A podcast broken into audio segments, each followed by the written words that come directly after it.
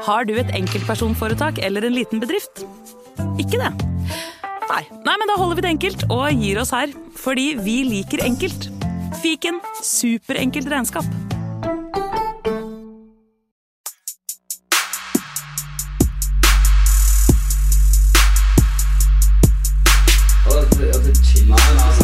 Nei, karer, hysj, hysj, hysj, er faktisk sånn at det kanskje er noen som har lastet ned dette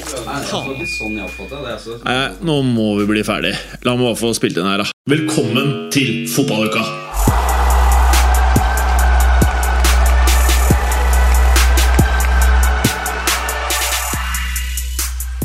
Velkommen til til ukas fotballuka! Mitt navn er Jim Fosheim.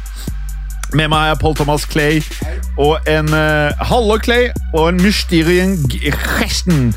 Forrige uke så hadde vi eh, den høye fæle, som vi ikke nevner med navn i denne podkasten. Eh, I dag så har vi en eh, annen felles podkastkollega. Eh, du kan jo eh, gjøre deg kjent ved å lage en lyd. Hallo, hallo. Hallo, hallo. Og der er det jo sikkert mange som sitter eh, Det er nok ikke så mye sånn norske fotball. Eller For alt jeg vet, så er det sikkert en del. Men eh, du, du assosieres som oftest med norske fotballag, eller eh, du som sa hallo? Eh, ja, nå er det vel fortsatt Er det ikke sånn at på, også på fotballuka så står det i teksten hvem som er gjest, eller skal vi fortsette dette narrespillet? Nei, fordi Ut. noen ganger Noen ganger så er det sånn på, på kveldinga når man sender over info til tekniker Felix, og han spør om hva det handler om, så, står det bare, så sier vi bare at det er gjest og par navn på par lag, og så setter han opp et eller annet. Så eh, Forrige uke så sto det jo ikke Morten Galaasen. Å ja, nei, det er kult. Nei, men da kan vi jo bare la det gå, da. Uten nå- at det nå- nevnes. Men nå, nå har folk gjetta hvem du er. Det, vet, det, det er um, umulig å si. Um, Ja, Hva er navnet ditt, da? Martin Roppestad. Ja. Hvis jeg skulle sagt det, om jeg skal si det selv, så er det Martin Roppestad. Ja, Det er jo helt rått, da. Om jeg får si det sjøl. Jeg Ja. føler meg bæret til å ha såpass eh, høyt nivå på gjestene. Ja. Ja, det er hyggelig. Prominent, eller? Er han prominent? Prominent, vel. Men, men eh, Clay, du legger vel merke til det samme som meg, at eh, her sitter en sånn norsk fotballpodkaster med en drakt som ikke er i nærheten av noe med uh, Norge å gjøre. Uh, det, det har et par eh, tre norske linker, faktisk, eh, sånn historisk sett. Én veldig aktuell og to litt lenger tilbake i tid. Uh, En veldig veldig flott eh, drakt med smale, svarte og røde striper. mm, En meget, meget fin drakt. ja. Hvorfor har du på denne meget fine drakten, da, Roppestad? Nei, altså det, I mitt skap så er det selvfølgelig Ørn Horten-drakten som ligger øverst uh, av alle klær, egentlig. Uh, så det er jo den Den er brun, ja. Den er brun. Uh, Peneste draktfargen, det. Det er det. det er det. Men nå måtte jeg tenke jeg måtte, okay, jeg måtte kle meg litt for anledningen, så Kan du ta spørre, på noe? unnskyld at jeg avbryter deg. Er det noe annet lag som har brun drakt? Mjøndalen har brune drakter. Ja. Sound Pauli har brune drakter. ja, men du skjønner hva jeg mener, liksom i topp top tre-fem ligaer? Er det noe brunt der. Ja, Sound Pauli er jo Sveite Bundesliga, det. Er det, er det Sveite, eller? Er det ikke Sveite. Det er Sveite, ja.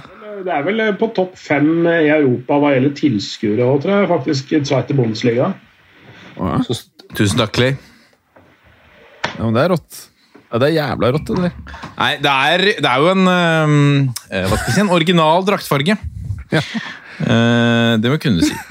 Nei, men nå, nå måtte jeg altså plukke fram uh, ei drakt eh, for Kanskje for å liksom kickstarte en eller annen samtale om et av de mest Ah, Jeg er jo ikke Jeg er jo, jeg er jo 34, så jeg er jo på en måte ikke Jeg har ikke opplevd å se liksom van Basten og sånn spille.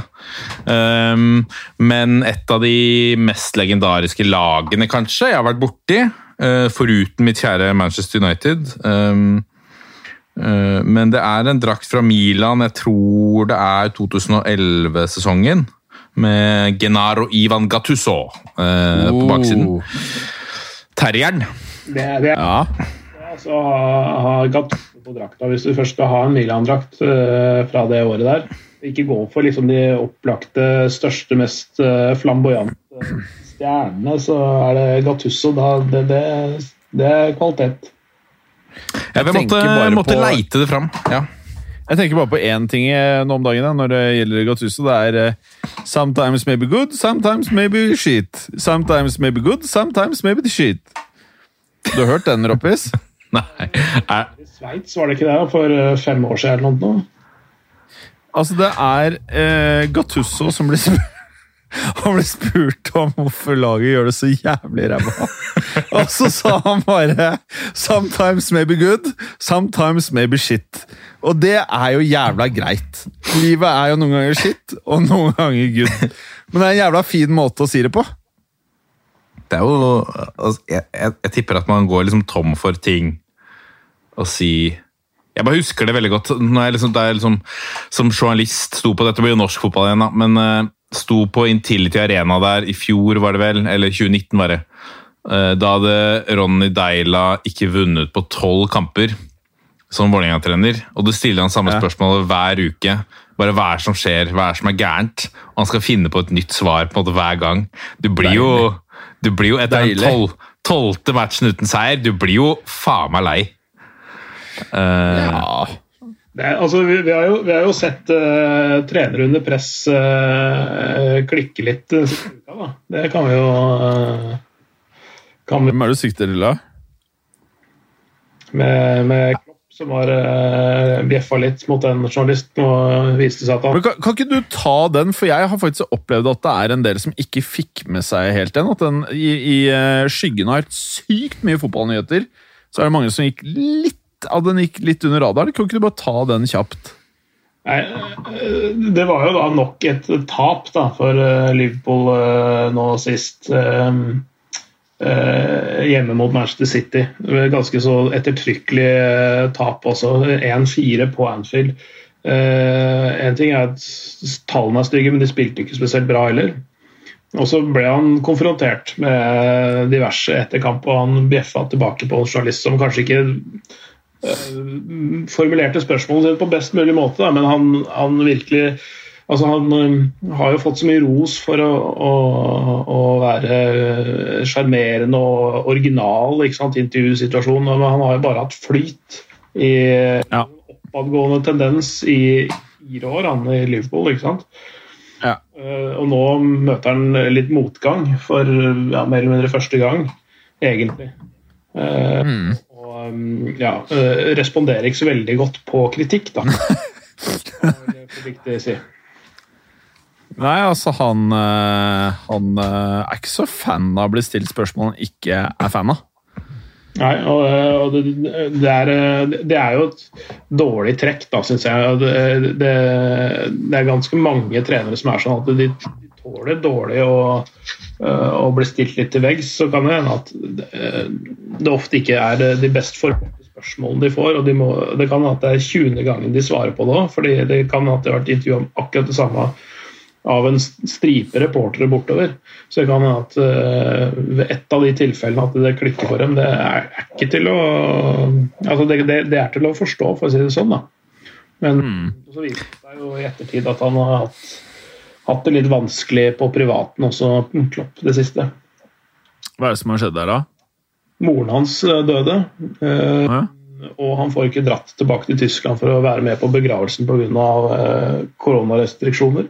Så eh, Mm. det er jo eh, Hvis du er litt sårbar også, i en litt sårbar situasjon, så kan det hende at når, det, når ting går mot deg og du føler verden er litt urettferdig, at du rett og slett ikke responderer 100 rasjonelt. da.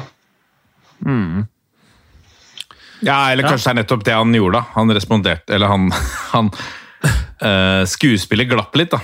Uh, anst- liksom han, tidligere så er han vant til å beherske seg, men, eh, men impulskontrollen kanskje var litt eh, Hva skal vi si satt ut av spill pga. den eh, situasjonen.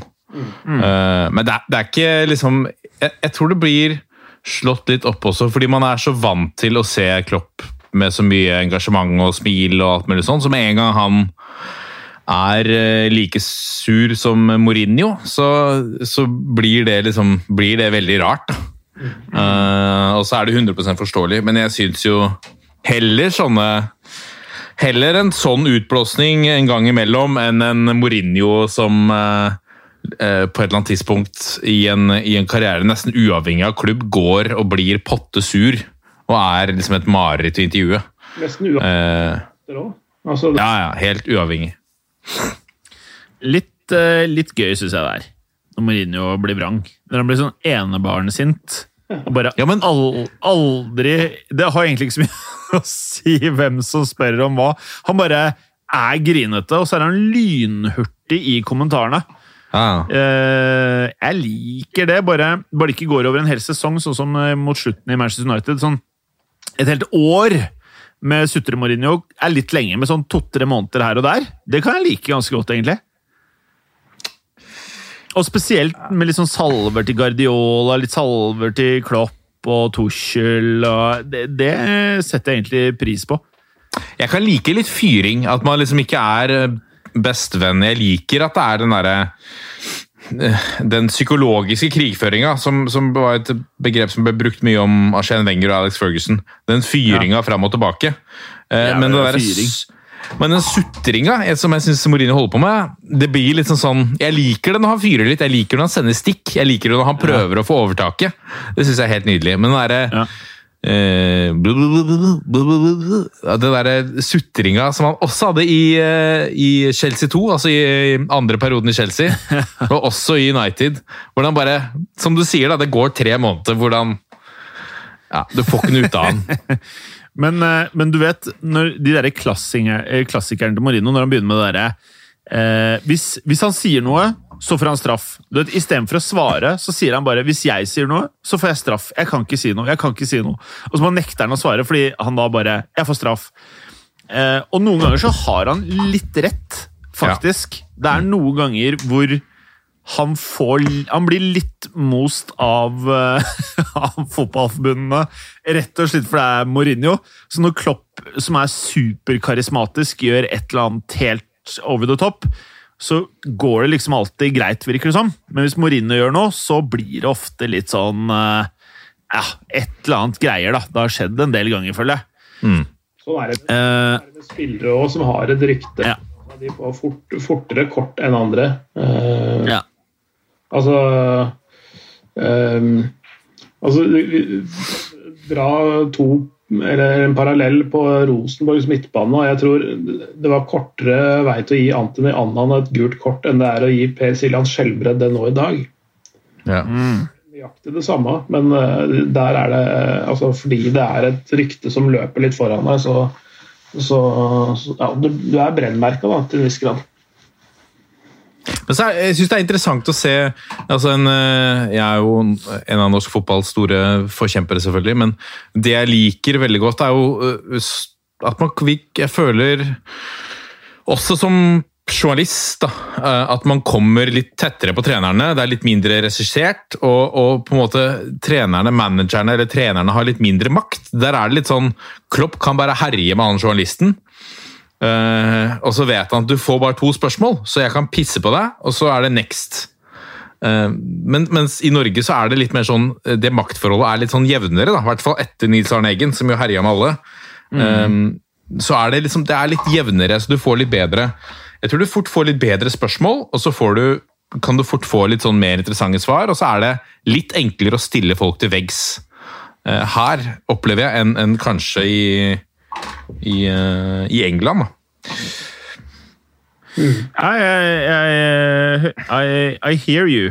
Eh, all, all sammenligning with Norwegian football er jo veldig vanskelig for meg alltid. Eh, Men, men eh, ja, I can hear you over there. Eh, bare sånn helt kjapt der eh, eh, Hvor mye Premier League ser du, Roppestad? Noe i det hele tatt? Ser du United, eh, liksom? Jeg ser United. Jeg ser alle United-kamper.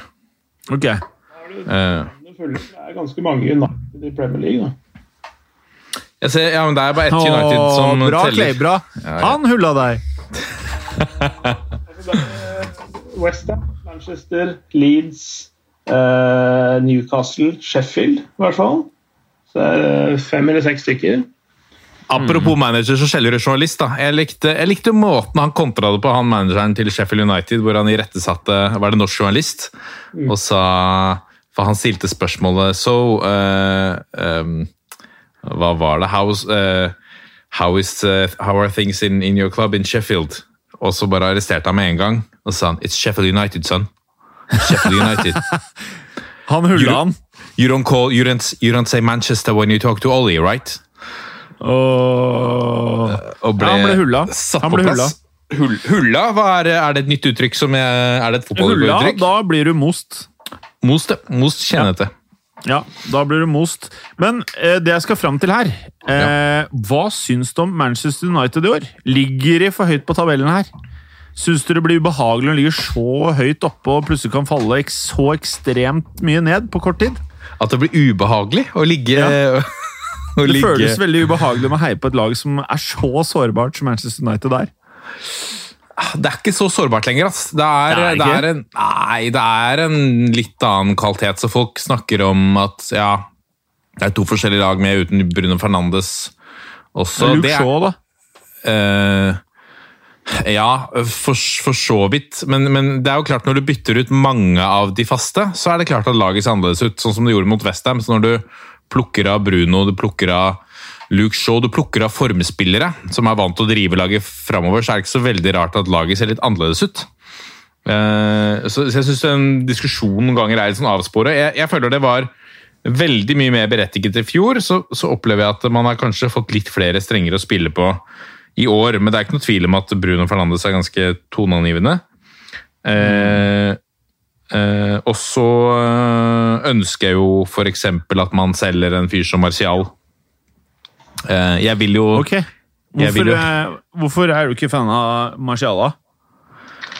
Han er, eh, for å si det på den måten, jeg vil at jeg ønsker at man kvitter seg med Martial. Eh, og dersom det ikke kommer noen erstatter inn, så vil jeg fortsatt at det kvitter seg med Martial. Uh, så var det ikke det, i serien? Ja, det kan godt hende. Eh, men, men det er en altså han blir, han, eh, Sånn jeg opplever det nå, så, så tar han på en måte Han okkuperer en plass. Nå har han heldigvis blitt satt på benken eh, til fordel for Kavani, som også ikke er en sånn langsiktig løsning, akkurat.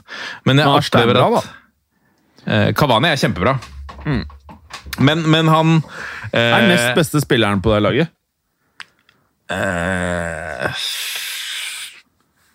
Ja, det, ja, det, Jeg vet det det er ikke vondt helt å Jeg vet, jeg vet det Det er ikke vondt å innrømme, i og med at det liksom bare er Det føles mest som en sånn herre ettårslånsopplegg, og det ikke er noe fremtid der, men han er den nest beste spilleren på det laget der, syns jeg, da. Ja, men Hvordan sammenligner du en stopper og en spiss på en måte, hvem som er best? Det blir Det liksom er det evige sånn... spørsmålet, Martin. Det er, det er vanskelig. Det er det evige spørsmålet. Det er fotball. Jeg syns jeg har hørt det samme spørsmålet i 30 år. Nei, men Det er jo vanskelig, det der. eh, For å Martin. fullføre resonnementet på Martial, da. Martial. Eh, elendig, liksom, elendig innstilling. Du ser det i kamp etter kamp. Nå sist også, så virker det som at altså, Mot Sheffield United var det vel, så, så slapp de under ett mål fordi at han mister ballen, og så jobber han ikke hjem. Så det er andre må, som må ta jobben hjem. Altså, eh, det, en, det gir en sånn veldig sånn dårlig signaleffekt. Eh, Han tar er en øsel, rett og slett. Rett og slett. Eh, og nok en gang nå, mot Westham også, så mister han ballen, og, og det skapes en mulighet. Men da virker det som han har kommet på at å ja, shit, jeg mista ballen, jeg er nødt til å jobbe hjem.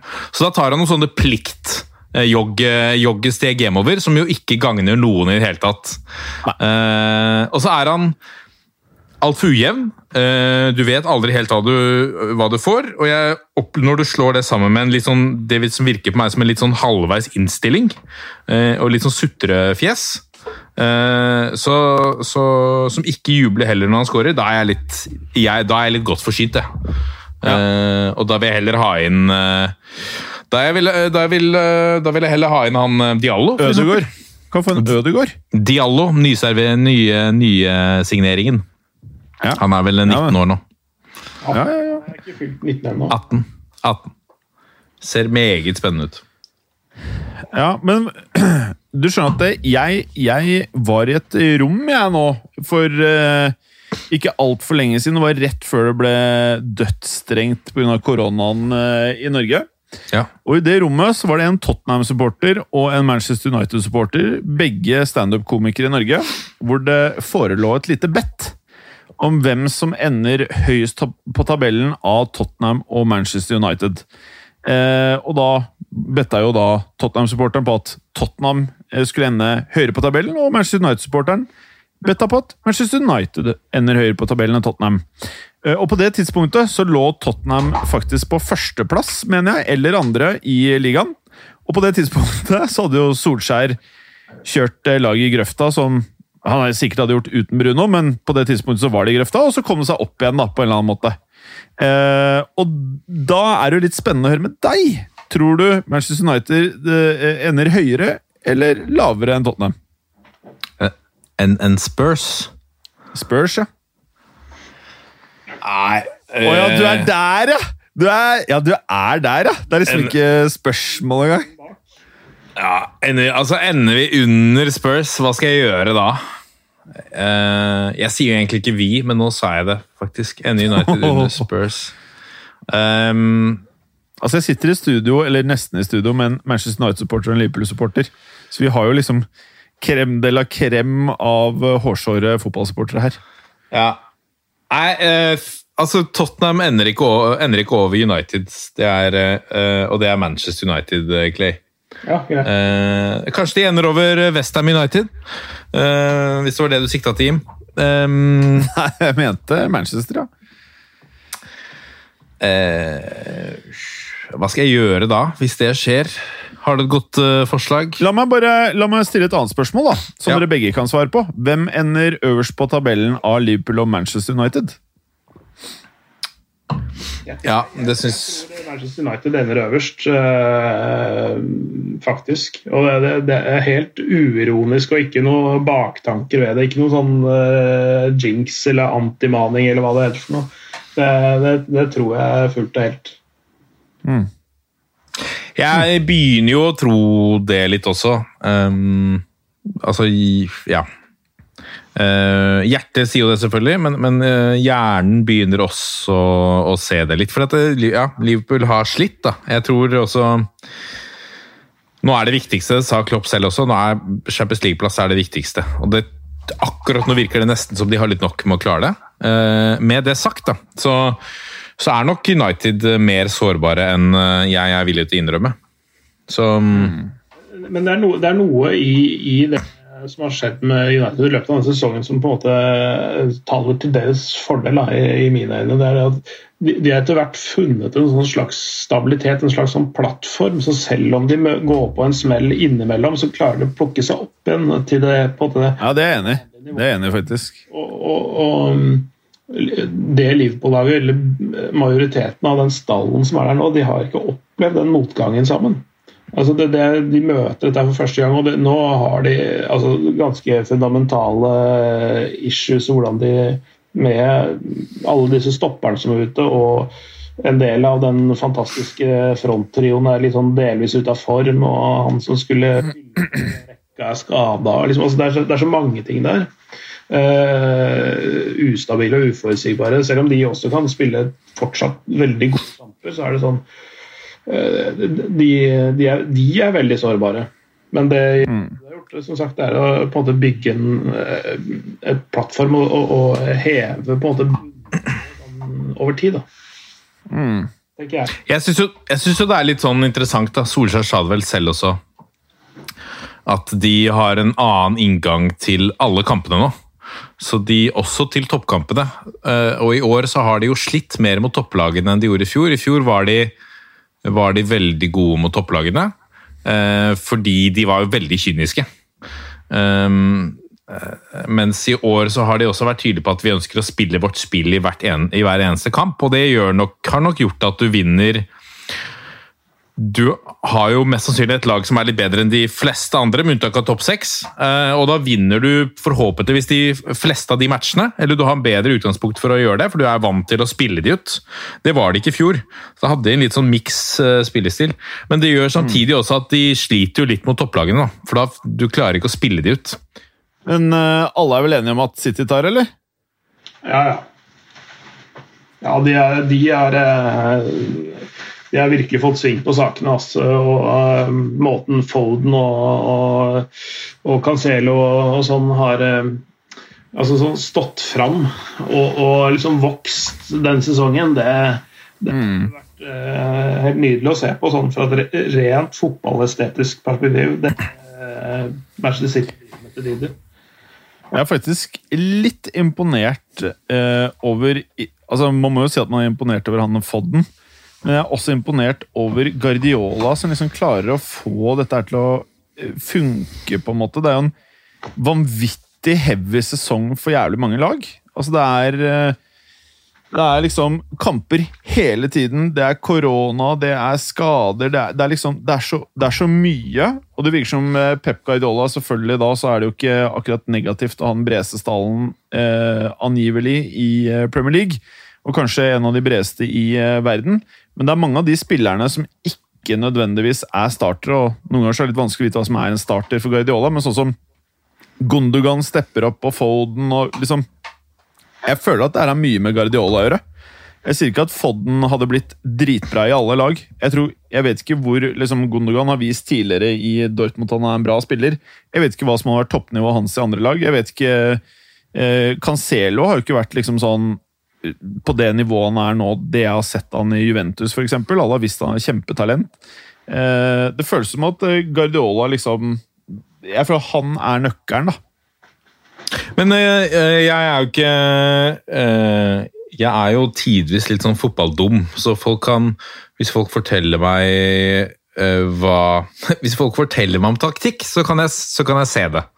Eh, men, men jeg er ikke like god alltid til å Jeg se klarer, liksom jeg, jeg klarer ikke å se taktikken selv når folk forteller meg det. Ok, nei.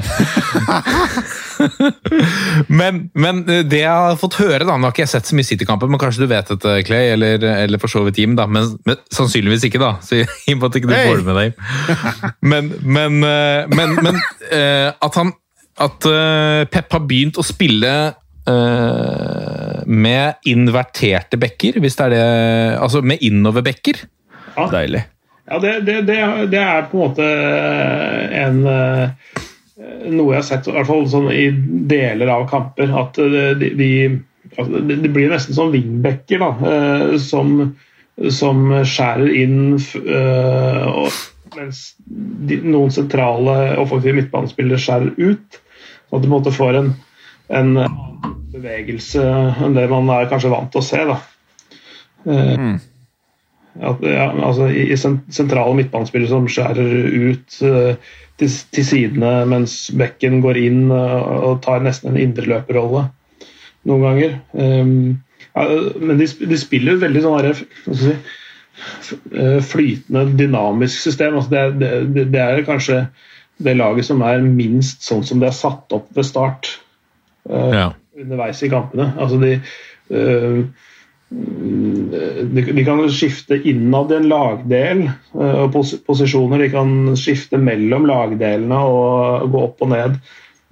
Gabriel Jesus står ofte oppført som sånn midtspiss, men han starter like gjerne like ofte ute på en sånn venstre vingplass, og så er det noen andre som siger inn i midten. altså dette litt sånn for, andre, for, for sånne utrente øyer som våre ser ut som litt sånn uforutsigbare øh, bevegelser. Det, det, det, det, blir, det blir også uforutsigbart for motstanderen, så det er vanskelig å, å finne noen sånne konkrete mottrekk til det. For de varierer så ofte.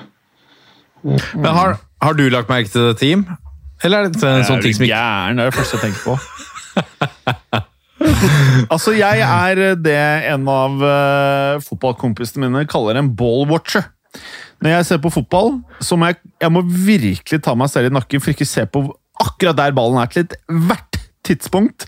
Og drive og se sånn derre for eksempel når jeg har sett fotball med Jallan og de gutta der, som liksom tenker på hvor fireren står, og keeperen og midtstopp Jeg er ikke i nærheten av å se det. Jeg vil bare se hvor ballen skal. Jeg vil helst at den skal i målet. Det er det eneste jeg bryr meg om. Og så når folk poengterer det, så liksom ja, ok, jeg skjønner den der fireren, jeg forstår, og press og høyt, og liksom, ja, støte, støte, støte. Gjerne mye støting. Og så er det liksom Trygge pasninger! Tre! Tre! Pasning, pasning! Tre, tre spillere! Tre spillere! Sånne ting. I don't give a flying fuck. Jeg vil bare ha dritraske eh, fotballspillere som gjerne tar veldig mye vitaminbjørner, som kan løpe hele 90-minutteren og skåre masse mål. That's it. Det er det eneste jeg, det er det jeg vil ha hver uke, hver kamp. Men, men ser du eh, er, Jeg er nok også en ballwatcher, da. Det er jo greit å ha et begrep på det. Men, men ser du Ser du, Hvis du er på Bernabeu, da, ser du matchen Ja. annerledes da, eller følger du bare med på ballen? På Bernabeu der får jeg alltid så dårlige plasser at jeg sitter så langt oppe at det eneste jeg får med, er de foran meg som tygger sånne frø som er inni skall.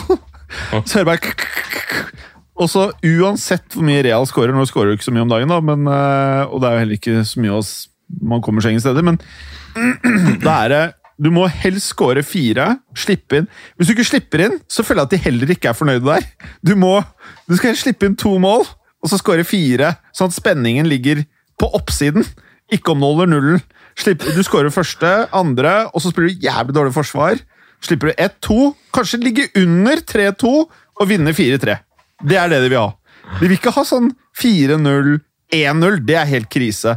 Så på Bernabeu, jeg ser ikke en dritt. Jeg sitter bare og koser meg og spiser. Og, og så, de gangene jeg har vært der, så har jeg alltid fått sånn hvitt flagg. Så da Ja. står man og heiser, heiser opp det hvite flagget, hvite flagget og er forbanna uansett hvor bra det går. Men ja, hadde jeg kunnet se noe, så hadde jeg sett det på ballen. Nå var du litt sånn programleder, Roppestad. Stilte Ja, men jeg- spørsmål og sånn. Ja, men jeg lurte litt på det. på Jævlig ubehagelig. For jeg legger merke til at jeg ser jo fotball annerledes når jeg er på stadion. Da Jeg begynner gjør jeg å kikke litt på Ja, begynner å se, Da kan jeg liksom se ok, hvordan ligger den fireren nå, og bla, bla. Um, Eh, mye greiere å se på eh, altså det, det store bildet eh, hva gjelder taktikk og sånn når du er på stadion. Det er veldig mye lettere enn å se på TV. For det, er, altså, eh, jeg husker ikke hvem som sa det, men det er, han sier det å se på en kamp på TV er som å se på fotball gjennom et nøkkelhull, egentlig Deilig. du mister overblikket helt. Og sånn, eh, bare som et eksempel, jeg kommenterte en kamp fra det som da het Amsterdam Arena. Ajax PSV en gang, og så Joel Feltmann, som eh, nå spiller i Brighton, men, men han eh, er en veldig sånn fotballsmart spiller.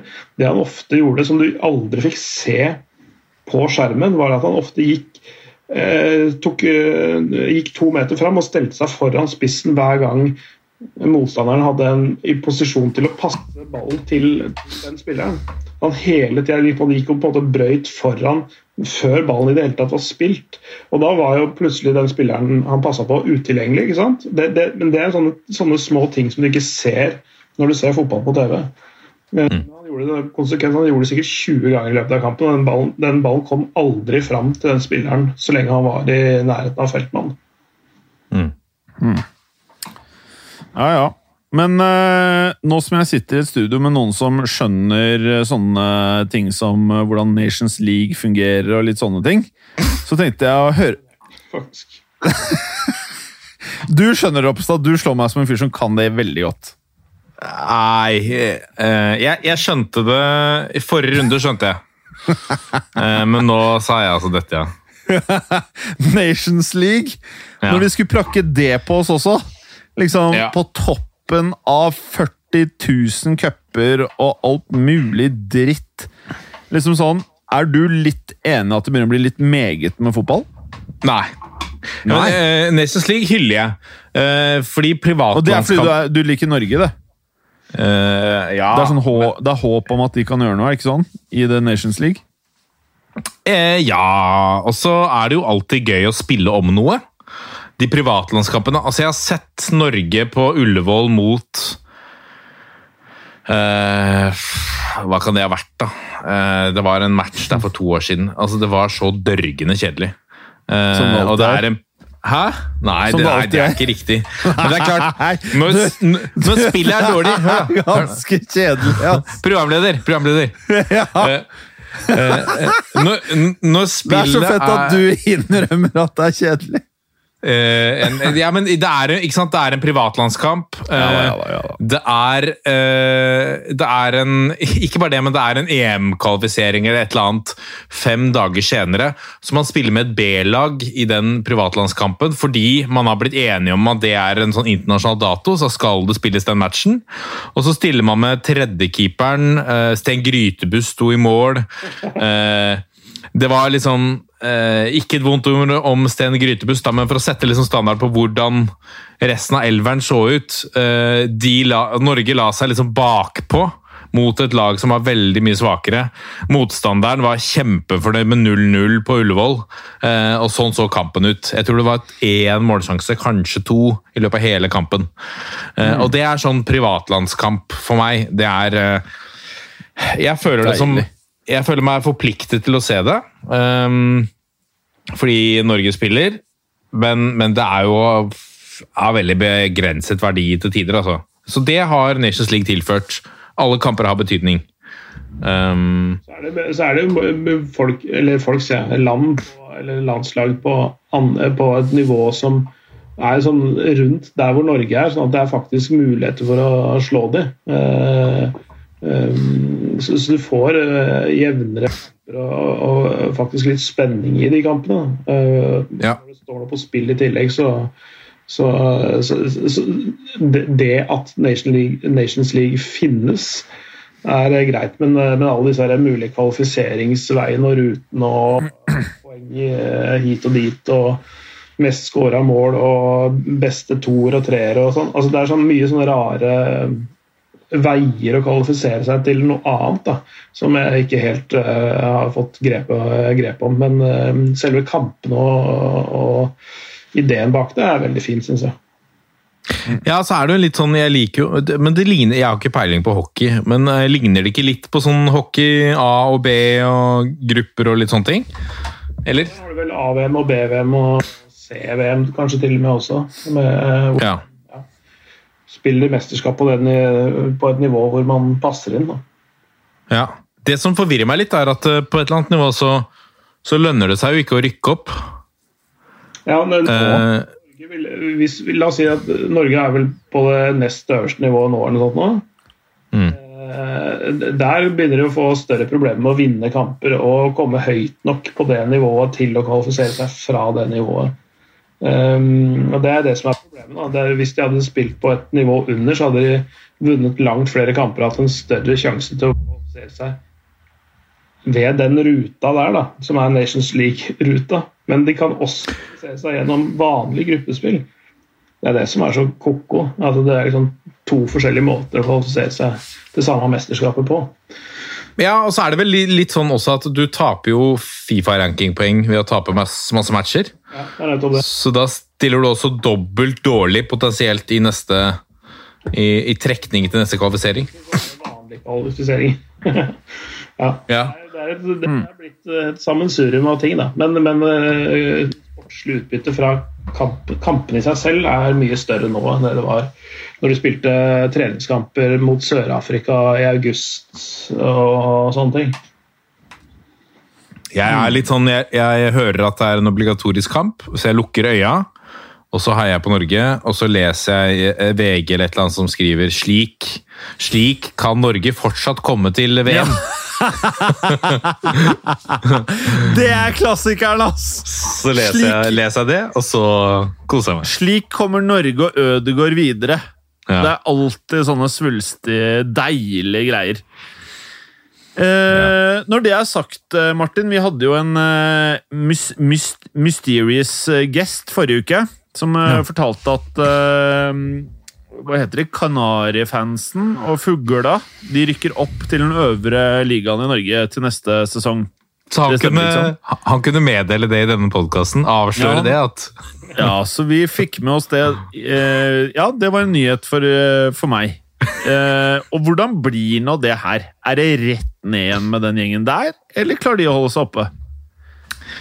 Og jeg tror Jeg tror jo at eh, de til slutt da, så sikret de liksom opprykket. Det så litt sånn dårlig ut, men jeg tror det var de fleste såkalte eksperter var ganske trygge på at Lillestrøm kom til å rykke opp. Um, eh, og det, det er klart at Når man rykker opp, så har man jo vunnet mange matcher. Så da drar man med seg en form for entusiasme som ofte er med på liksom, å hjelpe klubben inn i, på Eliteserien. Så jeg tror nok de, de starter Eliteserien på litt annen et litt annet entusiasmenivå enn de gjorde da de rykka ned. da, Hvor man liksom har tapt mange matcher. Det så man også på Viking da de rykka opp etter å ha vært en tur nede. Eh, Det var en litt annen entusiasme i byen. Um, Så, det er eh, Selv om mange hater uttrykket eh, det kan være sunt med et nedrykk, så vil jeg jo driste meg til å si at det var i hvert fall sunt for Viking. Ja. Det er flere eksempler på, på lag som har rykket ned fra Eliteserien og rykket opp igjen, og faktisk allerede første året endte opp på medaljeplass. Strømsgods i sin tid, eh, Start eh, på midten av 2000-tallet, eh, Bodø-Glimt Ja. Lenge siden de var etasjen under. Sånn at, så det er mulig, men jeg tror ikke, tror ikke Lillestrøm på noe som helst vis tar medalje. Jeg tipper, nei, nei, nei. jeg tipper at de havner et sted mellom 10. og 10. plass. Ja. Ja, nå, slik som ståa er nå. Nå har de vel eh, signert han Ogbu og eh, og uh, Gjermund Aasen. Det er vel liksom det som har gått inn. Så er det jo gått veldig mye ut dørene. Så det kommer vel Status quo nå, så er vel den, den stallen er ganske tynn eh, og svak. Det, er, det er jo, har vel Messvin sagt også, eh, Ja. sportslige lederen der. Eh, Det er vel, det er vel en dårlig skjult hemmelighet at Pål André Helland kommer dit også? Er det ikke det? ja, Hvis han ikke blir for dyr, da. Men, men på et eller annet tidspunkt så burde han også prise seg litt ned, kanskje. for å... Ja, Det kan være en ganske fin oppside. han vil jo spille på, på gress øh, og Fokus spiller Rosenborg, så da er det ikke så veldig mange alternativer igjen i Eliteserien. Nei, det er sant, det. Og sånn, nå? han vil ikke spille på gress. Han vil spille Ønsk. Han vil spille på gress. ja, naturgress, og det, det er jo så mye plast rundt omkring i Eliteserien nå at eh, Å ja. Så liksom, å ja, at hjemme, hjemmebanen er med gress, betyr det da? Ja. Så det, det er vel Er det fire lag som har eh, gress i Eliteserien nå? Brann beholder. Foreløpig Rosenborg, Lillestrøm. Er det flere? Ja. Um, nei, det tror jeg ikke. Så hva du sa Brann, Stabæk, Lillestrøm og Rosenborg? Mm. Shit, og alle andre har dere flere astroturf-greiene? Ja. Shit! Faen, det, det kjørte Norge på ganske hardt her en periode, ass. Det var sånn, Jeg følte jeg hørte om det her for sånn fem-seks år siden, eller ti år siden, du faen. og så plutselig sa alle det. ja. Og hvordan funker det, da? Det, går jo, det, det som er det viktigste argumentet for veldig mange, da, er jo at du har Du kan trene og spille, altså du kan trene på kamparenaen din eh, til daglig, og så har du en, et du, du reduserer litt kapasitetsproblemer i klubben. sånn at til vanlig da så er jo laget og alle de andre lagene i klubben er nødt til å trene et annet sted. Du, hvis du har en gressbane, så får du ikke lov å trene. De andre lagene får i hvert fall ikke lov å trene og spille kamper der, hvis det er forbeholdt A-laget. Eh, Så det løser et litt sånn kapasitetsissue for veldig mange klubber. Eh, og så er det det argumentet som, som er jo litt tynnslitt nå, og vel motbevist, er at det er en mer økonomisk løsning enn å vedlikeholde en gressmatte. Det viser det seg vel at det er det ikke. Det er bedre å bytte den matta hvert femte år eller noe sånt nå. Um, Nå har vel Lillestrøm akkurat bytta matte også, så den skal være Nei, jeg- jeg- den Vi skal bytte bytte i mai, tror jeg det er. Ja, ok. ok. Jeg tror det var da de skulle bytte den. At det, eh, altså de har en, det er en runde som spilles 24.-25. mai, eller noe, så skal du bytte den da. og så er det, For da er det et lite opphold til slutten av juni, hvis jeg ikke husker helt feil. Ja. EM-pausen der. tror jeg de skal bytte den. Men hva er greia? Er det det at det er så sykt dyrt å holde matta i Norge fin, eller er det det at man må skifte ut hele tiden, eller hva er liksom hovedgreia? At det bare ikke blir bra matte, liksom? Nei, Du får jo til bra matter. altså Du har jo en bra matte. Eh, på Ullevål så har du bra matte året rundt. Det er vel lenge siden at de sleit at vi spilte på nesten på grus på Ullevål eh, på landskamper. Så, så man har jo løst det der også. Eh, men jeg, jeg tror det er som, vi, som jeg, Et av argumentene som jeg nevnte tidligere, da, er dette med kapasitet. At det er, et, det er en begrensning i veldig mange klubber. Um, Eh, og så er det jo enklere å holde en kunstgressbane ved like på vinteren. Det er klart. Det, det, det er det stabile treningsforholdet også. Altså, ikke bare at de kan trene på kampene, men at det er stabile treningsforhold. At de er, eh, Ja. er eh, i, i norske klubber og med norske klimatiske forhold. Og, og sånn som klubbene er satt opp også, med at de er ofte en del av en større forening. Så, så, er, det, så er det det der med å ha like god kvalitet på treningsbanen som på hovedarenaen hvis man har gress, det er, det er vanskelig. Og det, det, da begynner det å bli, ta plass, og da, da begynner det å bli dyrt. fra uh, ja, må vi ha to til tre baner som er uh, av tipp topp kvalitet. ikke sant? Med gress, egentlig. Ja, ja. Uh... hva, hvordan blir denne topp fireren i Norge til neste år, da, Roppestad? Sier Rosenborg øverst, da. Det er ikke jeg, jeg, jeg tror nok eh, Rosenborg er på topp fire, det tror jeg. Uh, og så er jeg veldig spent på Jeg er veldig spent på hva som skjer i Bodø-Glimt. Klarer de å erstatte de som de har solgt? Eh, og klarer de å bevare harmonien og roen der oppe? Det har vært mye kaos fram og tilbake. kan du kjapt bare fortelle hvor mange er det de har solgt, da? Ja, nå har de solgt Hauge til Milan, som har gått ut av det. Men han gikk jo før sesongen var ferdig. Og så er jo Kasper Junker er jo spørsmålet blir han solgt nå. nå. Nå ble jo ikke den overgangen eh, noe av. Han skulle til Tyrkia, eh, men det ble noe rot. Og agenten eh, gråt i media og sa at han ikke hadde fått sove. og Det var mye, det var mye drama. Eh, Eh, Det virka som et sånn desperat sistekort, hvor han snakket om at han, eh, agenten gikk ut og sa at nå har Glimt dratt dette så langt at jeg har ikke sett familien min på to uker. Jeg har ikke sovet i samme seng Jeg har ikke sovet i samme seng to dager på rad, og jeg sover kun fem timer om natten. og Nei, det var eh, kjørte den, ja. Ja, det var eh, småtrist. Eh, Så Kasper Junker Jeg har mer sympati for da Kasper Junker, som er syv år vel, og blir eh, frarøvet en potensiell mulighet for å sikre fremtiden økonomisk. Så nå er han Det er jo fjorårets toppskårer. Nå er han fortsatt Bodø-Glimt-spiller. Det er jo bra, det, hvis han er motivert til å levere. Bortsett fra det så har jo Sinkernagel forsvunnet, som var vel poengkongen, eller assistkongen i, i fjor. Så det er ikke noen smågutter som er på vei ut døra. Eller, eller har forsvunnet. Men får du noe særlig penger for det her, da? Sikkernager var jo bossmann. Eh, Hauge fikk de Hva var overgangssummen på, på Hauga, Clay? Ja, Sted mellom 40 og 50 var det i hvert fall totalrammen, var det ikke det? Ja, det er sikkert noen fremtidige summer og sånn inni der, da. Ja. Jeg tror det var eh, i hvert fall eh, noe, noe med 40, tror jeg det i hvert fall er det vi mener å huske. Ja. Ehm, nei, øh, så har de jo signert et par.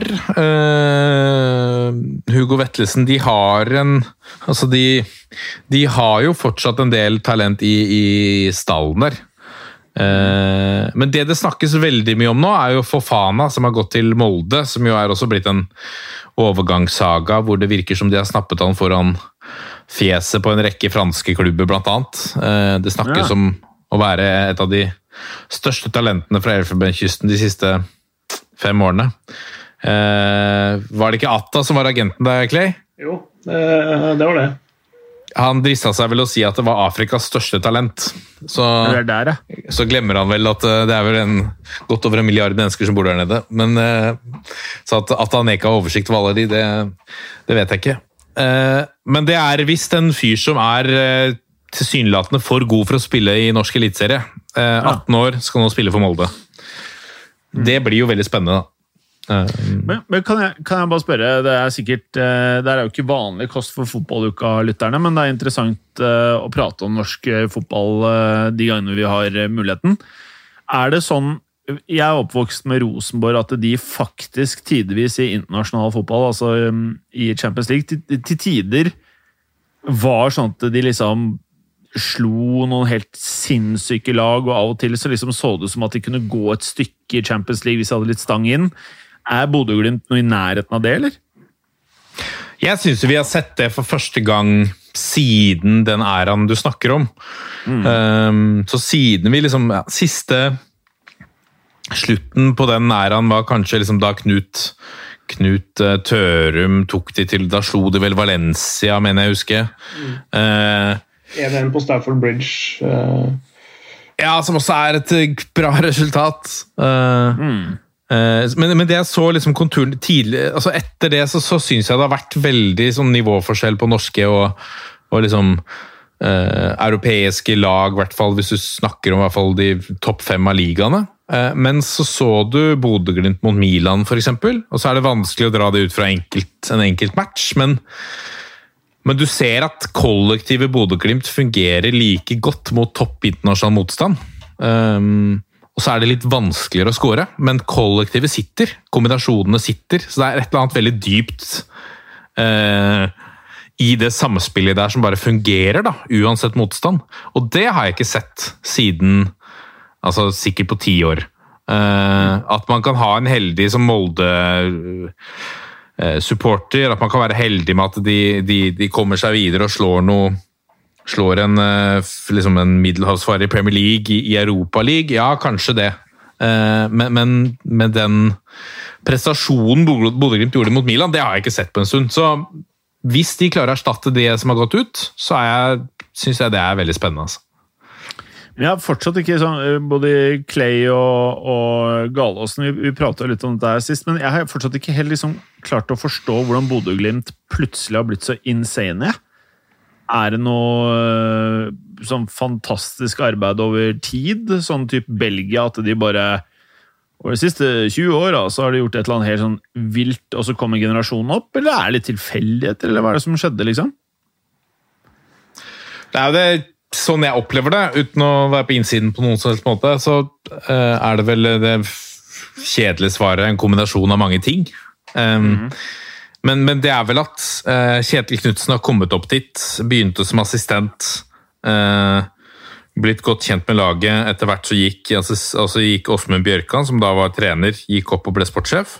Og de har fått jobbe videre med en modell. Så de har fått tid, det er jo det ene. Men tid hjelper jo ikke hvis ikke du har en modell som kan fungere.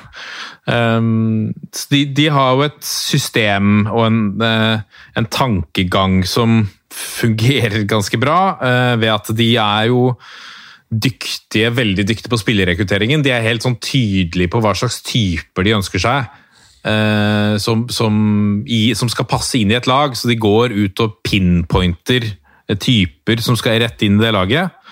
Eh, sånn sett også så har de klart å erstatte spillere de har sendt ut. altså De solgte Amor Lajoni for to år siden, erstattet han med, fra egne rekker med, med Hauge, som jo nå er solgt for 50 millioner, som Clay sa. Eh, de har en, liksom en, en klar Hva skal jeg si? Eh, Det er en rød tråd mellom- gjennom det, de tingene de holder på med. De har tatt mentaltrening på alvor. De har trent veldig hardt, men veldig riktig over lang tid. De har spilt mye matcher mot svakere antatt svakere motstand. Mest sannsynlig, tror jeg, for å lære seg å dominere kamper. Lære seg å spille mot lag som legger seg dypt.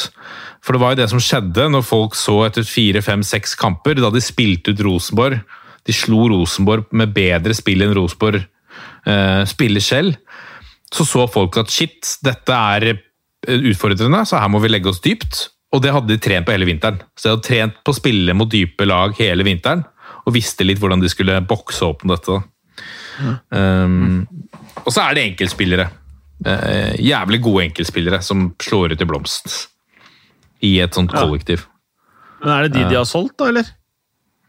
Ja, nå er det jo solgt øh, øh, Så får vi se om Kasper Junke går, da. Toppskåreren er jo liksom, Der har det vært litt konflikt. Uh, Sinkernagel hadde jo flest målpoeng øh, i, i serien. Han er jo ute, gått til Danmark.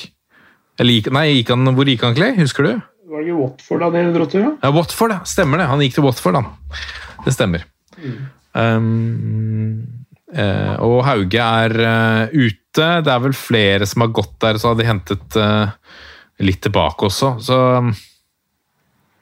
um, de, har jo, de har jo vist det før, da. Det var jo Siden du snakker med Rosenborg, uh, Jim, det var jo noe av gjennomgangsmelodien til Rosenborg. De solgte spillere for masse millioner, og så henta de De visste akkurat hvem de skulle hente for å putte på den plassen. Eh, det er ikke som med Vålerenga, som man tidligere har kastet ut et nett og så bare samlet inn det, kan, det som kan krype og gå av fotballspillere, og så bare sett om man finner noe til slutt. Det er litt som Sarpsborg også holder på. Man eh, kjøper 20 spillere, ikke 20, man kjøper 10 spillere hver sesong. Og så bare rister man på de, og så ser man hva, hva som blir til gull. Men øh, ja, er det rett og slett liksom øh, policy, eller er det bare at scouting-systemet finner så jævlig mye bra at de ikke klarer å velge, og de får alt på billig, billig, billig salg, liksom? Snakker du om Glimt nå, eller snakker du om Jeg prater om alle disse klubbene som kjøper 10-20 spillere i sesongen, liksom. Jeg har ofte lurt på det greiene der. Det er, I og med at mange spillere i Norge ikke går for jævlig mye penger, så høres det noen ganger ut som at hvis noen selger noen for mye, så høres det ut som man bare tar et sånn kjempebett fordi det kanskje ikke er de åpenbare talentene alltid, føler jeg. da, eller bare med, Jeg ser jo bare dette er fra utsiden.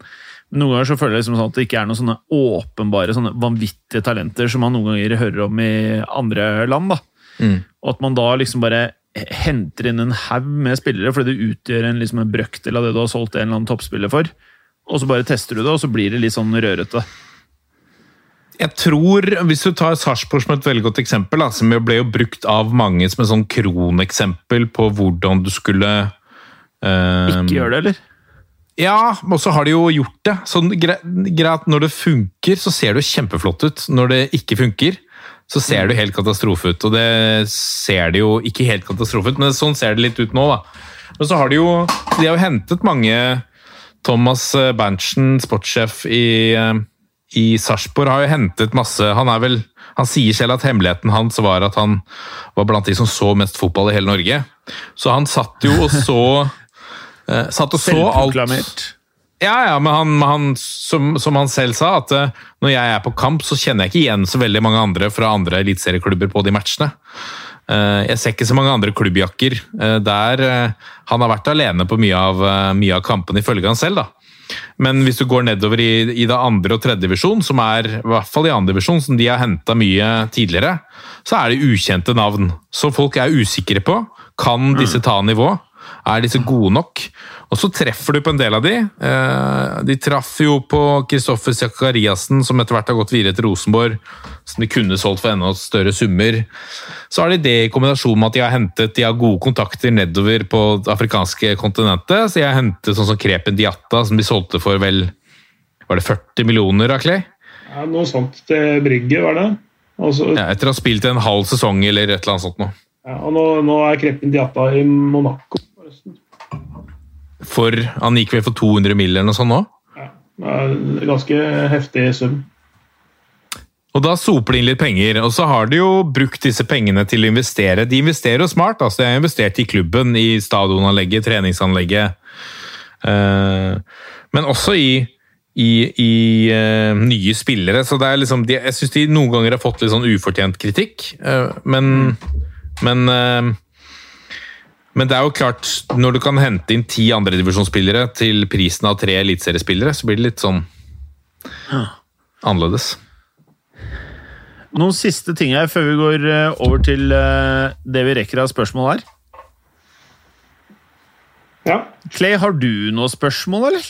Ehm, eh, nei uh, eh, jeg, hadde, jeg hadde Jeg har hatt noen, men det har jeg... har seg sjøl, holdt jeg på å si, eh, gjennom resonnementene til eh, vår kjære gjest.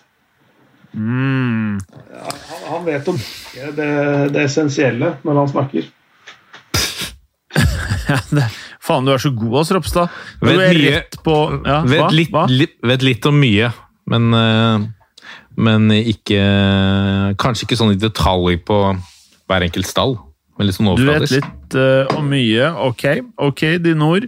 Eh, Marius Lux, alfakrøll, Marius Lux, og da prater vi to x-er. Han spør når hører vi Berger igjen? Altså, Han kjører jo en massiv massasje, har vi skjønt, eh, Clay? Ja. Det er vaselin og det er fullt kjør, så eh, etter hva vi har forstått, så er det to til tre uker så er Bergeren tilbake. Lars Alfakrøll, Lars Espen Krist, har Bergeren blitt fryst ut av fotballuka etter at Jim var, Jim var redd for å miste plassen sin? Justice for Berger. Eh, nei, altså eh, Så vidt jeg vet, så er ikke Berger fryst ut. Det er rett og slett bare hardcore eh, massasje. Jonsebass, alfakrøll Jonsebass, Neymar skadet igjen. Viktige, viktige CL-kamper kommer, men bursdagen til søstera skal han få med seg i god fotballukeånd, sånn han holder på, eller? Hva syns du om det her? Nei, det- Det er tilfeldig, eh, dette her denne gangen i hvert fall. Jeg vet ikke om du, Ja, er det det? altså For eh, henholdsvis to og tre år siden så vet jeg ikke om det var helt uh, tilfeldig. Men uh, denne gangen her så fikk han seg en smell i, i lysken, og den, var, eh, den så reell ut, den altså. Eh, og jeg tror faktisk han hadde mer lyst til å spille mot Barcelona i, eh, i Champions League enn å, enn å ikke gjøre det, for å si det sånn. Men hva, eh, mitt, mitt sånn generelle inntrykk av Neymar jeg, jeg liker han ikke. Eh, Er det, Jeg liker liksom, ikke sjæl. Liker er det mange sjæl. deler liksom de fleste det, eller er det liksom folk som elsker ham på en måte? Jeg tror, jeg tror det, du finner noen som digger Brasil, som sikkert elsker å se han i en guledrakt, og sikkert masse PSG-fans som digger han. Jeg vet ikke, Clay. Generelt så tror jeg ikke folk er glad i han. Han har jo hatt et, jeg skal si, et opp- og ned-forhold med, med fansen i Paris også, eh, men, men eh, stort sett eh, godt likt der, fordi han er eh, Han er veldig, veldig god. Mm. altså det, er en, det er få som kan liksom endre et kampbilde som, eh, på egen hånd som det han kan. Um, ja, han er populær blant kids også. Han er sånn, uh, sånn gjøgler på en måte med, med ballen. Veldig uh, altså, altså, Han er litt sånn, litt sånn gutteaktig. Vet du. Litt sånn, litt sånn, um, litt sånn Jeg skjønner faktisk hva du mener. Utrolig nok så skjønner jeg hva du mener. hårsveiser og ting og tang som, som uh, 13-14-åringer syns er kjempekult. Um, sånn at uh, ja, han er en stor uh, stjerne, han, i store deler av, uh, av verden. Selv om det ikke er, nødvendigvis er favoritten til hvite norske menn på ja, 30, og- i 30- og 40-åra. Han er litt døll når det ruller rundt på banen. Er helt sånn vond. Det var en av- Men jeg skjønner, jeg skjønner alt det her med håret og sånn. Jeg, jeg har fått med det òg, så jeg, jeg, er litt enig med deg. Men øh, jeg, jeg syns ikke han er verdens feteste fotballspiller. Ja, Det var en av, jeg vet ikke om det var en av uh, assistentene til Tuchel eller noe sånt, og som sa det at, uh, at Neymar har en uh, lavere smerteterskel enn de fleste andre. men, men, men, men, sånn, sånn eh, Det høres jo ut som en, eh, en vits, men, det var, dette var ment som en sånn, en sånn helt reelt uh, Altså medisinsk, uh, faktuelt uh, at, han, eh, at han får eh, vondere enn andre når han blir truffet. da.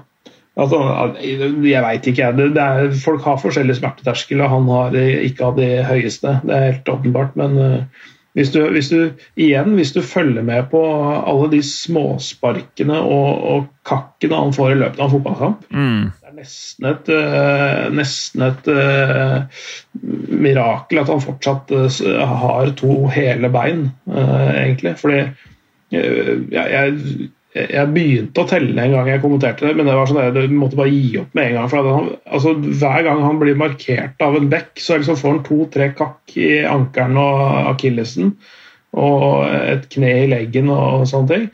Og det får han gjennom hele kamper. og han, Hvis du spiller 40-50 kamper i løpet av en sesong, så er det ikke rart at du får noen skader. Nei, Det er sånn jeg faktisk ikke tenker, og er faktisk godt du poengterer det. Man glemmer litt at han blir tatt hele tiden, og sånn at til slutt liksom kanskje overdriver litt, og det er det man husker. Altså Han ruller rundt og gjør så jævlig big deal ut av at man husker det spesielt godt. da. Det kan faktisk være. Ja, bare, bare se på neste gang du ser han spille, da, om det, det blir jo antakeligvis om en fire-fem ukers tid. Så, så bare se hver gang noen markerer han. Se, bare se hva som skjer nedi eh, området hvor føttene befinner seg. Bare se hva som uh, skjer der sånn det, det, hele tiden. Hele tiden. Mm. Så um, Det er et poeng. Han er, ikke, han er ikke min favoritt, men jeg, men jeg ser litt at han innimellom kan fyre seg litt opp. og Han får seg noen røde kort og sånne ting, men, men det, jeg skjønner at han blir forbanna at det koker over innimellom. Jeg skjønner det sjøl. Neste. Eh, Alex at andreball. Hvilke Real-spillere er don om å vike plass når Perez blæster eurolappen igjen? Vet du hva, Det tror jeg faktisk er en del. jeg tror Perez, når det eh, blir tribunekultur igjen Og det kan jo ta fort et Hva tror vi, da? Er det et år til liksom, ting blir normalt? Det er jo umulig å si. Er det to år? Hva tenker vi, da? Jeg tror i løpet av neste sesong at det begynner å fases inn eh, med litt sånn uh, begrensa kapasitet eh, bortover. Jeg føler litt det sjæl. ja. Eller, eller, eller jeg, jeg, august da, men sånn, kanskje utpå høsten en gang at de begynner å slippe litt og litt uh, inn. Og så får vi se hvordan uh, ja, utrullingen av vaksiner og sånn går. Men, men jeg, jeg er på 2022, jeg skjønner du. Jeg er på 2022, jeg skjønner du. Eh, men da, når den tid kommer, da tror jeg det ryker. Jeg tror det kommer til å ryke så mye spillere. Ramos ser dessverre ut til å gå nå til sommeren. Eh, Real vil gi han ett år. Han vil ikke ta ett, han vil ha to eller tre år, tror jeg. Hvor skal han gå, liksom? da? Nei, det blir jo de som tar imot, da. Som tar skikkelig imot. Sånn United eh, liker jo å ta imot. Eh, PSG liker jo å ta imot. Eh, så vi Det er jo litt sånn. Så de tar jo imot dyre spillere, de. Jeg er ikke fremmed for høye, høye lønninger. ganske banneordet enculé. Det, det er for de som liker å ta imot. Jeg vet ikke hva det betyr, jeg. Nei, Jeg skal ikke gå dypere inn i det. Hvis du ikke kan. Nei, det vet jeg ikke hva det betyr. Men i hvert fall eh, United det liker vi veldig godt å selge spillere til. Og vi liker eh, potensielt å selge mye til PSG. Eh, Jeg tror Ramos går ut av den troppen der sånn. Jeg tror Marcello, om ikke lenge, dessverre, en av mine tidligere favorittspillere, også må vike. Jeg tror altså Benzema har et fantastisk forhold til både trener og presidenten. Jeg tror Benzema er der helt til de har funnet en ny nier som er guaranteed. Og så kan Benzema jeg tror han sakte, men sikkert kan komme fra benken og spille cuper og den stilen der uten at han blir lei seg. Eh, og så blir det jo spennende å se Rodrigo og Venicius Jr. om de kan ta steg hvis de faktisk får noen kjempedyre vinger som ikke blir dritfeite eller blir treige eller blir skada. Altså en, kjøpe en Hazard, altså en verdensklassespiller som faktisk leverer. Så blir det jo spennende å se om Venicius og Rodrigo faktisk da vil lære av en sånn spiller og kanskje vokse til anledningen. Men eh, akkurat sånn som Real er nå, så tror jeg ikke mange av de talentene egentlig har Jeg føler ikke at det er nok eh, på Real Madrid-nivå. Det er ikke nok sånne spillere på det nivået vi er vant til, til at de gutta liksom har noen sånne fotspor å gå i. Gir det mening, eller? Ja. Ja. Ja. Så tror jeg Ja. Lukas Vaskes og Isco ligger litt tynt an nå. Ja, Isco i hvert fall. Vaskes tror jeg kommer til å få ettårskontrakter så lenge han leverer. Ja, men det er jo litt sånn variabelt derfra. da. Ja da. Ja, ja. Og så tipper jeg og så tipper jeg eh, Kroos blir her kanskje to år til. Så tipper jeg Modric går på ettårskontrakter. Og så, når det eh, åpner opp litt i fotballen, så tror jeg de kommer til å tørre å bruke penger. Men det er ikke til sommeren heller, tror jeg. Nei. Kanskje de lomper inn eh, Mbappé eller Haaland hvis de føler at de har solgt nok. da. Solgte for 110 mill. nå sist. Kanskje selger for noe mer til sommeren, og at de føler at det er greit å kjøpe noen. Jeg vet ikke. Har dere noen tanker? Nei, ikke noe. Haaland som spiss, da, og så Ødegaard, Ødegaard i playmaker-rollen der, Jim. Ja, jeg føler ikke at jeg kan si noe mer. Jeg har prata så mye om det. Jeg er faktisk lei, og jeg tror alle er lei. Han er jo don. Det sier seg sjøl. don. Ja, men det er sånn eh, Bare Ja, se don på. Arsenal-greiene. Han har don i Arsenal. Han har don i alt av toppklubber. Alt av toppklubber. Han, han, han må til Nederland. Det er uh, Belgia. Nederland. Fotballens bakgård. Ja. Kristoffer Haugland, alfakrøll, KTA. Uka-folket vil ha én ting! Rapporter! Og det er vel da eh, Berger, da, vil jeg anta. Lars Alfakrøll, Lars Espen Christ. Når skal PT Clay ta med seg Jim som ekspertkommentator? Åh, Det har jeg også lurt litt på. Kjør da, Clay! Da må vi starte en egen kanal og kjøpe noen ledige rettigheter, tror jeg. Å ja. Vi er der. Eh, skal vi se Hånd Tore, Alfgull. Hånd Tore, når Arteta snart blir arbeidsledig, hvem bør ta over, og hvor burde Arteta dra? Hvorfor skal han bli arbeidsledig? Arsenal gjør det kjempebra. Ja. Eller eh, decent. Ja. Nei, jeg vet da faen. Det hva som uh, menes der. Men i alle fall, uh, Martin, nå gleder vi oss til å bli invitert til uh, Toppfotball snart, som er podkasten du holder fort i. Sånn seriøst, jeg tror toppfotballytterne trenger å høre litt sånne nå kan jo Petter Clay masse, da, men når Bergeren er ferdig med massasjen og meg, som ikke følger veldig mye med i norsk fotball Jeg tror det kan være forfriskende å høre hva noen som ikke følger med, men som digger fotball, har fått med seg av overganger i norsk fotballvindu. Og, og få oss til å komme med en prognose. Jeg tror ikke det er gøy. Jeg tror det er gøy. Jeg inviterer meg selv. Jeg skal tenke på det. jeg skal tenke på det. Deilig. Det kan bli en spesial. Det kan bli en spesial bli en som spesial. få vil glemme. Nei, eh, vi skal ikke rakne, rakne hele toppfotball. Martin, jeg så du rakk å drikke øl i dag. Du klarte Yes. å downe et helt glass. To. To! To glass. Satan, Peter Clay, du er jo ikke på kamera. Har du rukket to eh, glass du òg, eller?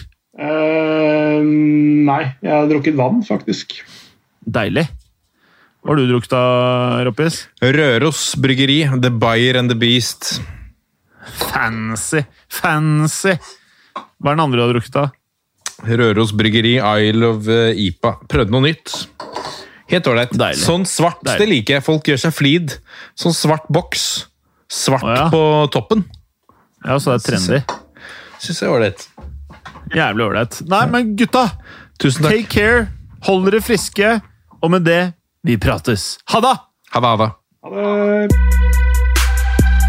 Takk for at du gadd å høre på.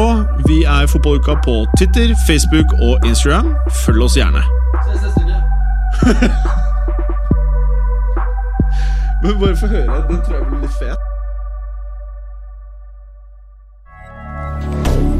Moderne media.